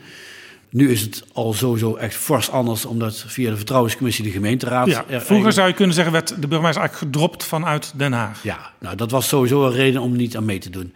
Nu is die situatie echt al, echt al anders. Het komt al heel eind in de richting wat het ja. zou moeten. In en feite is, is er al een getrapt, gekozen burgemeester getrapt, via de gemeenteraad. Ja, via de gemeenteraad. Um, dus dat maakte uh, het sowieso dat er een belangrijk dilemma weg was. En verder heeft het ook gewoon te maken met uh, de staat waarin de partij in, in zijn ontwikkeling bezig is. We hebben heel lang ook, en ik voorop gezegd, uh, daar ligt niet onze eerste prioriteit. Laten we beginnen met het opleiden van goede mensen als afdelingsbestuurders, als gemeenteraadsleden, als wethouders. Het, elke keer kwam er een stapje ja, bij. Ja, ja ik vond ik vroeger, vroeger heel interessant bij de SP dat soms wel leden waren in een gemeente, maar nog geen afdeling, omdat de SP zei wij zijn nog niet klaar, omdat we hebben nog niet voldoende massa om die afdeling goed... Geen gemeenteraadsfractie. Precies. Ja. Maar, ook, nee, maar, ook, maar, ook, dat er gezegd wordt, we doen nog niet mee aan die gemeenteraadsverkiezingen, omdat we nog net te klein zijn om ja. echt iets te kunnen betekenen. Kijk, je wil natuurlijk de, de, de, het DNA van jouw partij, dat wil je over, overeind houden. Wij willen echt niet uh, uh, over mensen, maar juist met mensen zorgen dat veranderingen tot stand komen. En dat betekent dat je dus een hele goede basis moet hebben om voortdurend te horen dat wat er op straat leeft, zodat je uh, het geluid van de straat kunt meenemen in de raad. En de raad is dan een extra uh, gereedschap wat je hebt. En datzelfde geldt ook voor een wethouder. Ik, ik, ik adviseer afdelingen die heel uh, nog maar net begonnen zijn en nauwelijks ervaring hebben, ga niet meteen een college in. Want ik bedoel, het, soms ontkom je er niet aan. Als je een, keer een enorme verkiezingsuitslag hebt, dan moet je je verantwoordelijkheid nemen. Maar eh, denk er goed over na. Daarom zei ik ook van begin met gemeenteraadsfracties. Als je je boel op orde hebt. En, ja. uh, het is niet altijd even gemakkelijk, want je ziet het hier en daar dat het toch fout gaat. En dan zie je toch de, heel vaak weer terug te herleiden naar dat de basis niet op orde is. Nou en, werd u gevraagd voor Heerlen. Daar is de SP de grootste partij. En al heel lang dominant aanwezig in het, in het stadsbestuur. Maakte dat het makkelijker voor u? Ja en nee. Kijk, als, een, uh, als beleid in een gemeente aardig overeenkomt met wat je als persoon vindt, dan is het wat makkelijker om het ja. te verdedigen. Ja. Het, nee is natuurlijk dat, dat er in, in heel, heel gauw gezegd werd, er is alweer een SP'er en gaat hij zich nou als SP'er gedragen, terwijl een burgemeester boven de partijen moet staan. Dus de lat om het goed te doen lag daar wel heel erg hoog. En uh, ook heel veel kritische blikken, zeker op het begin van, krijgt hij dat voor elkaar? U moest echt laten zien, ik sta boven de partij. Ja, de, en, zeker. Uh, als, uh, als je in een gemeente zit waar jouw partij dan ook nog eens een keer de grootste is. En aan de andere kant, een VVD-burgemeester wordt het niet gevraagd. Als die burgemeester wordt, een wassenaar. Dus we hebben ook wel een, er is ook wel een vooroordeel. Ehm, ja, nu zit ik in een gemeente waar de SP niet in de gemeenteraad vertegenwoordigd is. Dat is eigenlijk weer de, de, de hele andere kant. Dat is de hele andere kant. Ja. Want in Alkmaar maar ook hier moet had je de SP de onderling ruzie gekregen en is de afdeling opgegeven? Uh, nou is niet opgegeven. Uh, ze zitten niet in de gemeenteraad. Ze zijn hier weer aan het werk aan een goede basis. Ja. En dat kan, vind ik het allerbelangrijkste. Ja. Misschien geeft het feit dat u hier zit al antwoord op mijn vraag. Maar kan een SP'er overal burgemeester zijn? Wettelijk ja. Uh, ik zou het niet overal willen. Ik ben, uh, je hebt natuurlijk ook wel een uitstraling. En je moet, ik, ja, als, je, als je in een gemeente zit waar je alleen maar beleid moet verdedigen, want je bent onderdeel van het college, dus je moet het college, coalitieakkoord verdedigen, wat echt haak staat, dan kun je best wel eens lastig krijgen. Uh, zeker als je zelf een uitgesproken mening over ja, zaken hebt. Maar dat geldt denk ik ook voor iemand van uh, een hele andere partij die ook niks van. Nou, dat, het, ik denk dat het herkent. lastiger is voor partijen die uitgesproken visie ergens over hebben. En wat minder voor partijen die uh, een beetje in het midden zitten. Maar het is toch, uh, je moet vooral de rol van burgervader en, en boven de partijen moet je, moet je in je hebben. En moet je, dat moet je kunnen en dat moet geloofwaardig zijn. Dat is het allerbelangrijkste wat je moet kunnen. Ja. Het is niet voor iedereen weggelegd. Nee.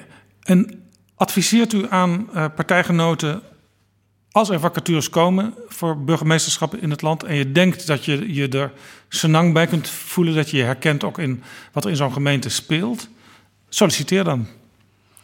Nou, ik heb nog niet uh, mensen daartoe aangejaagd uh, of gemotiveerd. maar ik denk dat als iemand een keer denkt van... hé, hey, dat ligt mij wel, ik zou een goede burgemeester kunnen zijn... en hij zou mij om een advies vragen... dan zou ik hem absoluut een eerlijk advies geven. Of, of die daar geknipt voor is. Ja, en de, en de partij ondersteunt dat dan ook? Want ik heb, ik heb eigenlijk... Jannie Visser, die is nu de voorzitter van ja. de partij. Ik las twee citaten van haar. Eentje in juli in de NRC. Roemer heeft het in Heerlijk goed gedaan en daarmee is voor ons de kous af. Klinkt niet heel erg enthousiast. Ja, daar was ze ook heel erg boos over. Dat uh, is een fout citaat. We, er is tot, uh, tot een aantal dagen echt over gestoeid met NRC. Want dat was een, uh, een totaal uit verband gerukt verhaal. Oh, dan begrijp ik het, want even later las ik in de Volkskrant ja, een citaat ze van heeft haar. ook eigenlijk geprobeerd om daar nog een En toen zei ze eigenlijk, ja, wij, wij zijn apen trots op Emiel. Ja. Het is geen doel burgemeesters leveren, maar... Die opmerking van daarmee is de kous af, dat, had, dat sloeg op uh, het feit van... we hebben altijd de vraag gekregen, waarom hebben jullie geen burgemeesters? En nu Emiel Roemer geweest is, is die vraag is klaar. Daarmee is de kous af, die vraag hoef je niet meer te stellen. Ah, dus eigenlijk... Hij is gewoon een compleet Nu staat de deur open en mensen kunnen er doorheen lopen. Ja. ja. U, u, heeft trouwens zelf, dat lekte uit, ook gesolliciteerd naar de baan van commissaris van de Koningin in Gelderland. Nou, ik ben niet de lek en dat wou ik graag zo houden. Maar u ontkent het ook niet. dus commissaris van de Koning, dat is ook een functie die je zou kunnen vervullen als SPR. Uh, ik zou niet weten waarom niet. Als je... Uh, geschikt kunt zijn als burgemeester, zou je ook geschikt kunnen zijn als commissaris van de Koning. Dat is ook een mooie bestuursfunctie. Ja. Dus als iemand, uh, als een SP'er nu denkt van, hé, hey, uh, ik weet niet of er een vacature is, maar dan wil ik hem, hem of haar daar best over adviseren. Ik heb twee aanbevelingen genoteerd.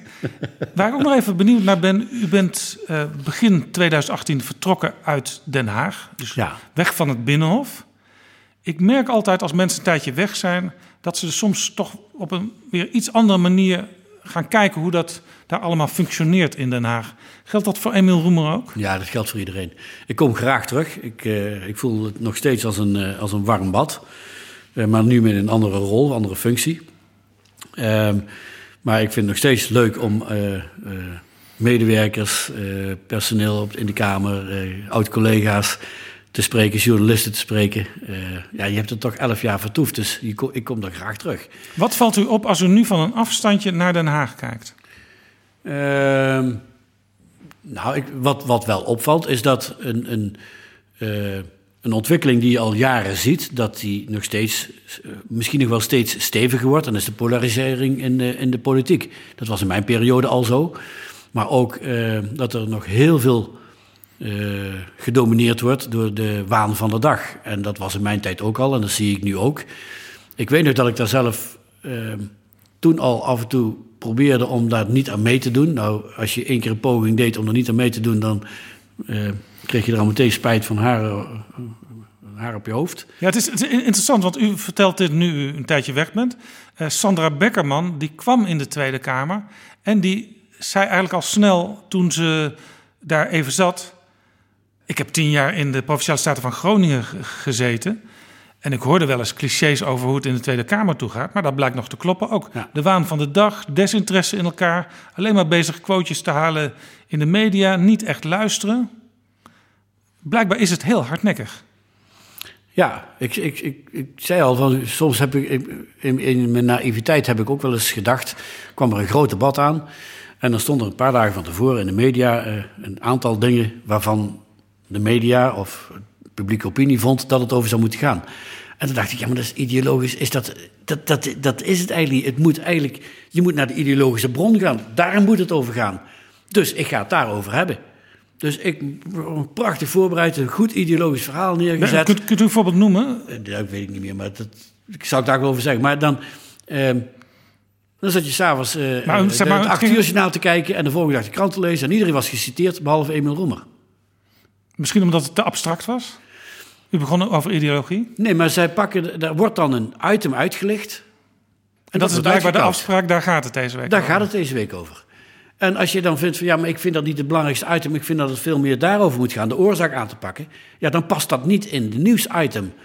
Nou ja, dan denk ik de volgende keer, ja, maar ik wil toch ook wel een keer dat acht uur journaal halen, of die opening zijn, of in de krant genoemd worden. Uh, uh, ja, dan ga je toch maar weer mee met uh, dat je daar op zijn minst ook iets over gezegd moet hebben. Ja, u ergert zich nu als zeg maar nieuwsconsument aan de polarisatie als u naar de Tweede Kamer en, en hoe ja. het binnenhof gaat kijkt. Uh, nou is natuurlijk de SP ook wel een partij die iets van polarisatie weet. Oh? SP is toch ook wel een partij die de tegenstellingen graag. Ja, maar dat is geen polarisatie. Dat is fundamentele maatschappijkritiek. Dat vind ik geen polarisatie. Polarisatie is mensen tegen elkaar opzetten.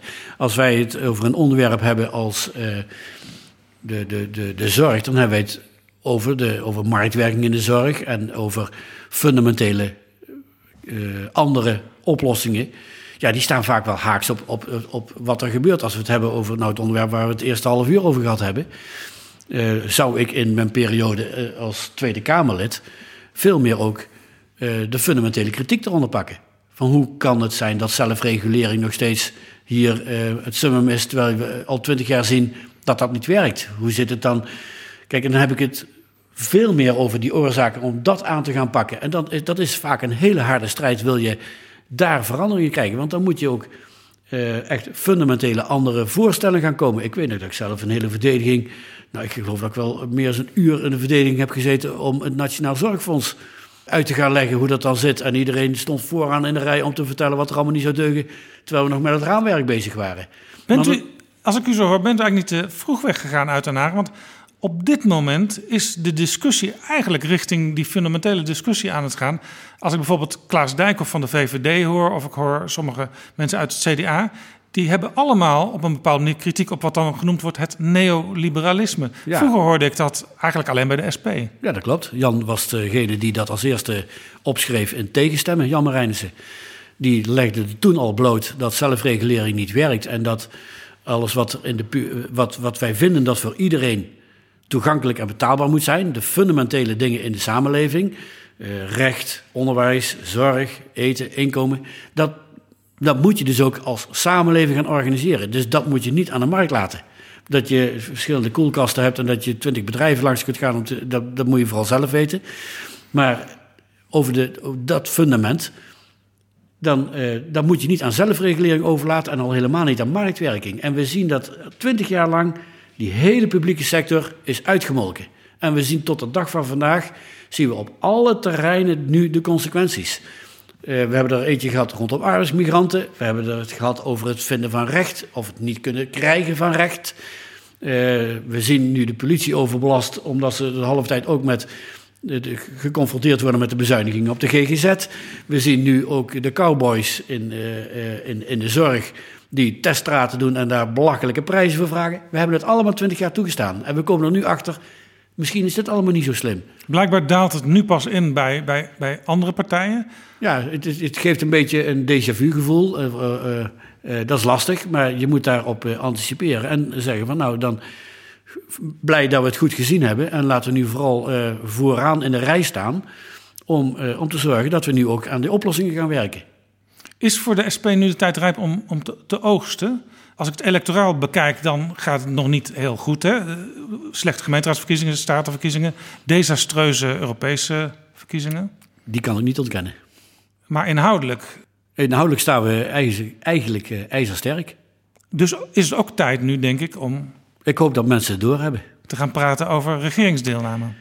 Ja, ja. Dat was, in, dat, eh, was dat eh, niet in zo, hè? mijn, Nee, dat is onzin. Ik heb dat eh, eh, in mijn tijd voortdurend gezegd. Het is Ja. niet een kwestie van of, nee, maar ik herinner me nog, kwestie ik stond, ik, stond, Maar dit is wel heel erg mooi, want eh, ik heb toen... ik stond een paar dagen na de verkiezingen toen, begin van de kabinetsformatie 2017, met u te praten in uw, uw werkkamer. En toen deed u eigenlijk meteen de deur weer dicht. Want ja, met de VVD gaan wij niet samenwerken, zei u. Maar eigenlijk vind ik het raar dat je die vraag nu stelt... na het onderwerp van net. Maar je kunt toch, als je voldoende zelfvertrouwen hebt, dan kun je toch aan tafel gaan zitten en praten? Je kunt altijd praten, maar als je zegt van het gaat over fundamentele keuzes, hoe je de samenleving inricht en hoe je de economie inricht en hoe je de publieke sector inricht, dan heb je twee tegenpolen. Dat is of je doet het op de neoliberale manier en de, de godfather of de neoliberale eh, visie is de VVD. Of je zegt van nou, dan, dan moet je nu echt afscheid gaan nemen van die koers en dan moet je een andere koers ingaan. En wat wij voor de verkiezing hebben gezegd, het is eigenlijk nu bij deze verkiezingen moet je een fundamentele keuze maken. Wil je door op die neoliberale weg van zelfregulering en het afbouwen van de publieke sector en alles aan de markt laten, dan moet je eh, degene die daar de grootste exponent in is, die moet je steunen. Dat is de VVD. Als je zegt van nou, we zien nu dat het anders moet, dan moet je zorgen dat je ook de kans en de ruimte krijgt om die fundamentele andere keuzes te kunnen gaan maken. Ja, Ja. dan moet je niet met z'n tweeën. Ja. En ik, waarom voelde ik dat al? Ik zag in, het, in, die, in de kabinetsperiode daarvoor, zag ik die, die, die struggling, zag ik al bij PvdA VVD. Dat ging eigenlijk helemaal niet Ja, die samen. werkten samen in één Maar kabinet. dat ging niet, want dan moet je dus afspraken maken en dan krijg je allebei niet wat je hebben wil. Dus zowel de achterban van de VVD als de achterban van de PvdA, die waren gewoon gefrustreerd. En dat Ja. begon al met de zorgverzekering, inkomensafhankelijk. Dat was al het begin, wat er een grote paniek binnen de VVD. En, het leidde uiteindelijk ook tot een zwaar verlies voor de Partij van de Arbeid, waar overigens Kun je de SP, de SP niet van profiteerde toen. Nou ja, eh, in een, in een, in een steeds gepolariseerde politieke, politiek landschap is het me wel steeds gelukt om acht jaar lang een, eh 10% van, eh, van, de- van, de, van de stemmen te kunnen Ja, halen. ja, zo kun je het ook zien. Ja. Doe je best, zou ik zeggen. Ja. Probeer het maar. Is de VVD, want ze, zij praten nu ook over wat er mis is met het neoliberalisme. Is de VVD al voldoende veranderd om nu misschien wel in aanmerking te komen? Geen idee, dat laat ik aan mijn opvolgers. Eh, Lilian heeft gezegd van eh, als iedere Lilian partij. Lilian Marijns heeft nou gezegd: iedere partij die mee wil helpen om het fundament te versterken van de publieke sector, daar wil ik mee samenwerken. Nou, eh, dan, Ja. dus ja. En eh, u, ik herinner me ook dat u wel eens op een podium hebt, heeft gestaan met eh, Job Cohen en toen nog eh, Jolande Sap. Ging toen over linkse samenwerking, daar gaat het af en toe nog steeds over. Ja. Maar ik heb altijd het idee dat de SP nog het, het meest ja, afstandelijk is als het gaat om elkaar vasthouden als linkse partijen. Nou, het wordt vaak zo overdreven. Op het moment dat je het hebt over samenwerking, dan beginnen ze ook al meteen. dan kun je net zo goed één linkse beweging worden, fuseren. Ja, we hebben allemaal een hele eigen achterban die niet te vergelijken zijn. We hebben ook een eigen DNA, we hebben ook een eigen werkwijze. Als je nou voor 80, 90 procent inhoudelijk eens bent. Ja, dan moet je vooral gaan samenwerken. En dan moet je zorgen dat je dat vooral doet op momenten dat het uitkomt. Kijk, in de oppositie kan iedereen zeggen: we werken fantastisch samen. Dat is heel gemakkelijk. Maar het wordt veel belangrijker als je de kans kunt krijgen om een groot links blok neer te zetten. om ook invloed te hebben in een kabinet. Nou, ik hoop van ganse harte dat dat bij, na de volgende verkiezingen lukt. En dat je dan een groot links blok kunt neerzetten om die fundamentele verandering ook waar te maken. Maar niet een linksblok in de zin van samen uit, samen thuis. Nou, ik heb de vorige keer eh, bij de verkiezing, toen ik het nog mocht zeggen, heb ik ze wel uitgedaagd. Durven jullie met mij te zeggen van eh, alle drie of niet? En dat gebeurde toen niet. Nee, die duidelijkheid wilden zij niet geven, omdat zij toch de deur open wilden laten om met de VVD te gaan regeren. Hoe vaak spreekt u Lilian Marijnissen nog? Nou, regelmatig. En waar gaat het dan over? Alles. Ook tips, adviezen van u aan haar? Nou, gelukkig hoef ik die niet meer zoveel te, te geven, maar eh, eh, even sparren en even een luisterend oor. En eh, gewoon ook als vriend en vriendin is het ook leuk. Het hoeft niet altijd over de politiek te gaan. Nee, we hebben een hele goede band. U staat trouwens weer op de lijst hè, voor de Tweede Kamer. Ja, ik heb me laten verleiden om lijstduwer te zijn. Nummer 50. Ja, Er kan dus op u gestemd worden.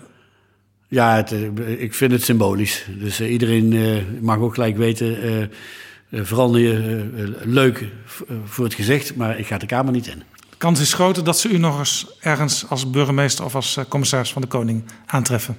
Of als een bestuurder in, een, in het publieke sector. Of misschien weer een paar prachtige taken zoals, de, zoals ik dat nu voor, voor twee ministers mag doen.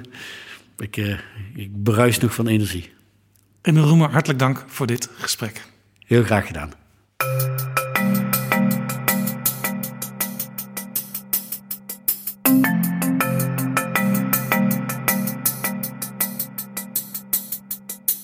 Zo, dit was Betrouwbare Bronnen, aflevering 143. Deze aflevering is mede mogelijk gemaakt door We Nederland en natuurlijk door donaties van luisteraars via de site vriendvandeshow.nl/slash bb. Heb je een interessant product, dan is het mogelijk daarvoor in deze podcast te adverteren. Het sponsoren van meerdere afleveringen kan ook. Schrijf een mailtje aan Flip Kilian Adams. Hij neemt dan met u contact op. Zijn adres is flipapenstaartdagennacht.nl flip.dagennacht.nl Tot volgende keer. Betrouwbare bronnen wordt gemaakt door Jaap Jansen in samenwerking met dag en nacht.nl.